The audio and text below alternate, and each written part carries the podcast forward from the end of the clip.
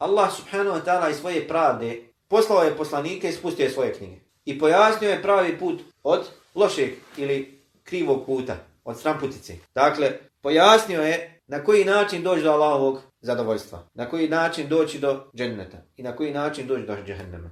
Nije nas ostavio da lutamo. Mogao nas je Allah subhanahu wa ta'ala stvoriti i ostaviti bez poslanika, bez knjige, bez da lutamo, ali nas Allah subhanahu wa ta'ala nije stvorio takvi nego nas i svoje pravde, a on je opisan pravdom, njegovi svojstava je adel, da je pravedan i uvijek je bio pravedan, da nam je spustio poslanike, da je poslao, izabrao ljude od nas i učinio ih poslanicima i objavio im objavu i pojasnio šta je ispravno, šta je neispravno. To je Allahova pravda. Nije nas ostavio da luta. Allahova pravda i milost. Nije nas ostavio da lutamo. Ali pored toga, Allah subhanahu wa ta'ala i svoje milosti, i svoje milosti određene robove uputi na pravi put. To jest omili im slijedjenje pravog puta. I svoje milosti. Dakle, odabere i nekom, kao što smo spomenuli primjer, pošalje neki znak ili mu omili slijedjenje pravog puta, omili mu istinu i taj rob zavoli, zavoli pravi put. Dakle, to je Allahova milost. Postoji razlika između pravde i milosti. Ako nekom uskratiš pravdu, to je zulum, nepravda. Ako nekom uskratiš milost, to je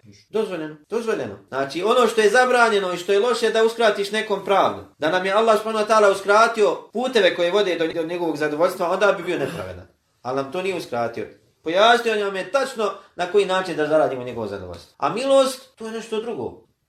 Kada govorimo o nama, našem primjer, čovjek svoju milost daje kome hoće, ali je dužan da bude pravedan prema svima. Čovjek ima, na primjer, stotinu maraka u džepu i izađe na ulicu i dijeli kao sadako. Je li učinio nepravdu što je dao jednom siromahu, a drugom nije? Nije učinio nepravdu. Ima pravo da dadne kome hoće, a ima pravo da ne dadne nikom, njegove pare. Jer nije nikom dužan, ali imaš to maraka i čovjeku si dužan i ne želiš da mu vratiš. Onda si nepravedan, činiš nepravdu. Ali ako imaš pare i želiš da ih udjeliš kao dobrovoljnu sadaku i dođeš na ulici i jednom siromahu dadneš 52 50, drugom dadneš 5 maraka. Jesi li ovom što si mu dao 5 maraka učinio nepravdu? Mm. Nisi, zato što su to tvoje pare daješ. Znači nisi mu dužan ništa. Drugo je da ti njemu ukradeš, uzmeš ili mu duguješ pa mu ne dadniš. To je druga stvar. Ali ti svoju blagodat, višak, daješ kome hoćeš, ne činiš ti mene pravi, znači nisi im dužan jednom dat ništa. Dadniš kome hoćeš, koliko hoćeš. To je tvoje. E tako Allah subhanahu wa ta'ala pripada najbolji i najpotpuniji primjer. Pa Allah subhanahu wa ta'ala je svoje pravde ostavio svima nama priliku da krenemo pravim putem. I pojasnio nam detaljno